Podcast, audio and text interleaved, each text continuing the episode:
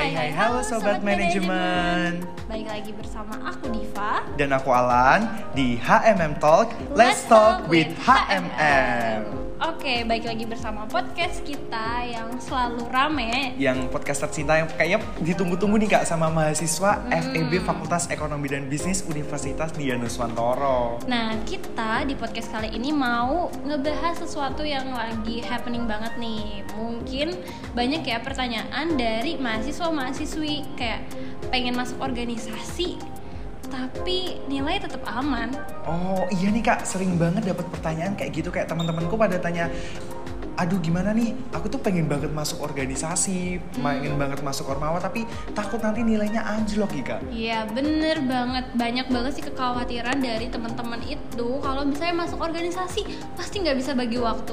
Pasti nanti nilainya jadi anjlok. Nggak bisa belajar nggak bisa ini nggak bisa itu. Nah itu ketakutan-ketakutan kayak gitu tuh sering banget muncul di pikiran para mahasiswa. Kalau dari Kak Diva sendiri gimana sih Kak? Aku sih ya dari awal mau masuk organisasi tuh pasti aku udah komitmen ya kak sama diri aku Oke sendiri udah komitmen. Hmm, aku tahu mungkin pasti kita bakal sulit untuk membagi waktu ya. Tapi se, se- apa ya setelah berjalannya waktu tuh aku merasa kalau aku bisa kok bagi waktu gitu. Dan kebetulan nilai aku sih aman ya kak. Aman, alhamdulillah. Ya alhamdulillah. Kalau dari kalian sendiri gimana? Kalau dari aku sendiri pertama emang anaknya ambis banget nih kak, anak Hmm. organisasi kayak oh aku masuk kuliah harus masuk organisasi. Eh. Dan untuk nilainya ya aman lah, stabil lah, bisa dibilang baik lah gitu. Hmm, tuh kan. Jadi kayak ini tuh udah menjadi bukti sendiri gitu. Kalau masuk organisasi itu nggak melulu bakal bikin nilai kalian itu anjlok. Nah nggak melulu, malah banyak nilai plusnya ya kak. Hmm, benar. Malah kita tuh kadang dapat dapat nilai tambahan gitu. Karena sebenarnya ya teman-teman, organisasi itu bisa dijadikan ladang untuk kita mencari prestasi juga. Betul nggak kalah? Bener banget, kayak itu sebuah tempat di mana wadah yang kita tuh bisa dapat kayak entah itu prestasi atau nilai tambahan itu sendiri. Nah, oke buat teman-teman sendiri yang masih ragu-ragu mau join organisasi tapi takut nilainya anjlok, mungkin kita bisa kasih beberapa tips and trick gimana caranya untuk join organisasi tapi nilai tetap aman. Wah, dari Kak Diva ada tips and triknya nih. Pasti dong. Oh ini nih, ini nih yang paling ditunggu-tunggu nih. Mungkin mereka Hmm. wah akhirnya aku dapat tips and trick masuk organisasi tapi nilai tetap aman nih. Hmm, bener. Langsung aja kak, yang pertama. pinter-pinter membagi waktu. Nah, teman-teman, Oke. Organisasi itu pasti hektik ya. Nah, kuliah juga pasti nggak kalah hektiknya. Tapi kita juga perlu tahu nih, kalau misalnya kita bisa seimbang antara organisasi dan kuliah, itu juga pasti kalian nggak akan bingung nih cara ngebagi waktu. Kalau dari aku sendiri, biasanya aku bakal pakai waktu-waktuku di luar jam rapat-rapat, lalu di, di luar jam program kerja dari organisasi itu buat fokus sama kuliahku, entah tugas-tugas atau mungkin eh, ngerangkum mata kuliah yang tadi aku pelajarin.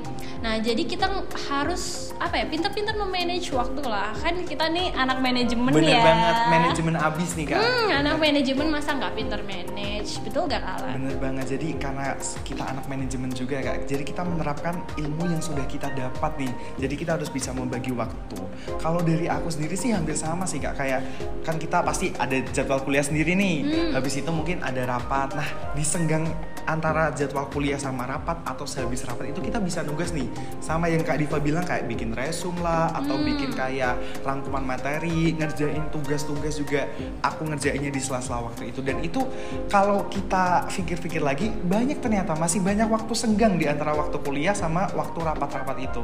Iya bener banget. Jadi tuh sebenarnya organisasi itu tuh nggak semenakutkan itu kok guys. Nggak sehektik yang kalian pikirkan gitu. Walaupun kita kelihatannya kayak wiri banyak kerjaan ini itu sebenarnya enggak sih. Kita juga banyak waktu kosongnya ya. Kalau Banyak masih waktu bisa kosong. nongkrong Kita nongkrong. masih bisa nongkrong, masih bisa main sama temen, nonton film, nonton Bener, konser juga masih, masih, bisa. masih bisa banget nih ya. Oke, mungkin langsung ke tips yang kedua ya, yaitu produktif. Nah, buat teman-teman semua, kita juga perlu nih produktif. Apa sih maksud produktif itu sendiri?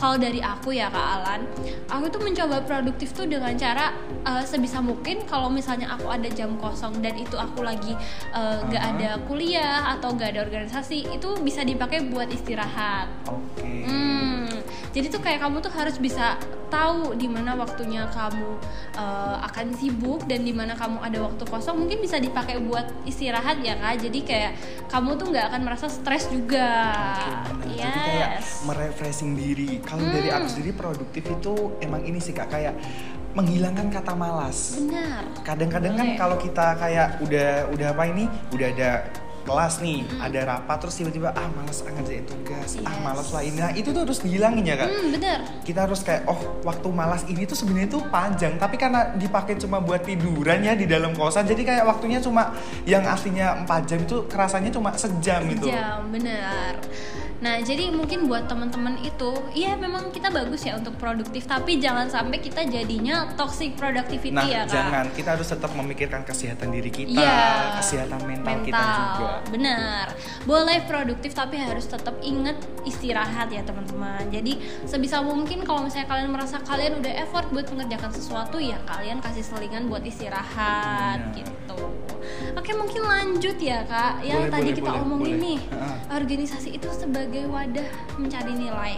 Oh, I see, I see. Wadah mencari nilai. Hmm, mungkin dari kalian sendiri ada nggak sih pandangan tentang organisasi sebagai wadah mencari nilai? Kalau organisasi sebagai wadah pencari nilai kak dari aku, eh, nilai itu bukan cuma nilai seputar nilai yang mata kuliah itu sendiri. Akademik. Akademik juga ada. Kadang karena karena kalau kita mahasiswa Udinus, kita mahasiswa FEB, ada yang namanya apa sih AKKM ya kak kalau nggak Hmm, salah. betul, betul, betul. AKKM. Nah, kadang-kadang ini gini kak, kita sebagai mahasiswa itu karena kita masuk ke panitiaan nih, kita Hmm. itu dapat poin AKKM nih.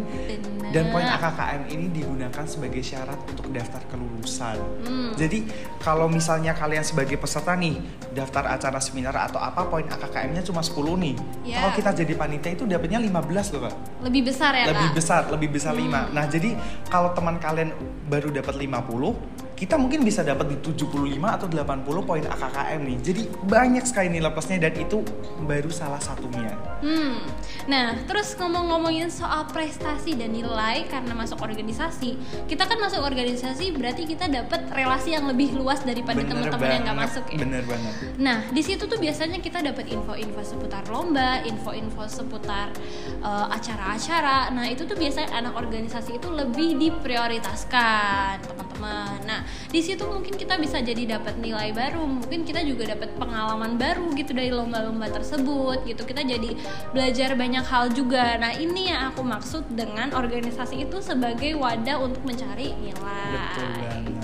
Yes. Nah, mungkin itu ya Kak tips and trick dari aku dan Kak Alan. Bener banget dan eh, udah kayak di penghujung ya kak ini kak. Hmm, bener banget. Kita tadi udah jelasin banyak banget kenapa kayak alasan ketakutan mahasiswa kayak masuk organisasi takut nilainya anjlok. Kita juga udah kasih tips and triknya juga secara mendetail ya. Mm-mm. Mungkin bisa langsung kita tutup kak acaranya Nah, bisa banget. Jadi kan kita bakal ketemu lagi di bulan depan di podcast depan. Ah, podcast- podcast selanjutnya Iya, ya, podcast ditunggu podcast aja. selanjutnya ditunggunya yang pasti lebih seru, lebih menyenangkan dan dengan tema-tema yang menarik gitu ya kak. Iya, pastinya kita tetap bawain tema-tema happening banget ya, teman-teman. Bener banget. Mungkin dari aku Alan dan Kak Diva. Aku Diva. kita mungkin bisa pamit undur diri dan see you di podcast selanjutnya. Dadah. Bye.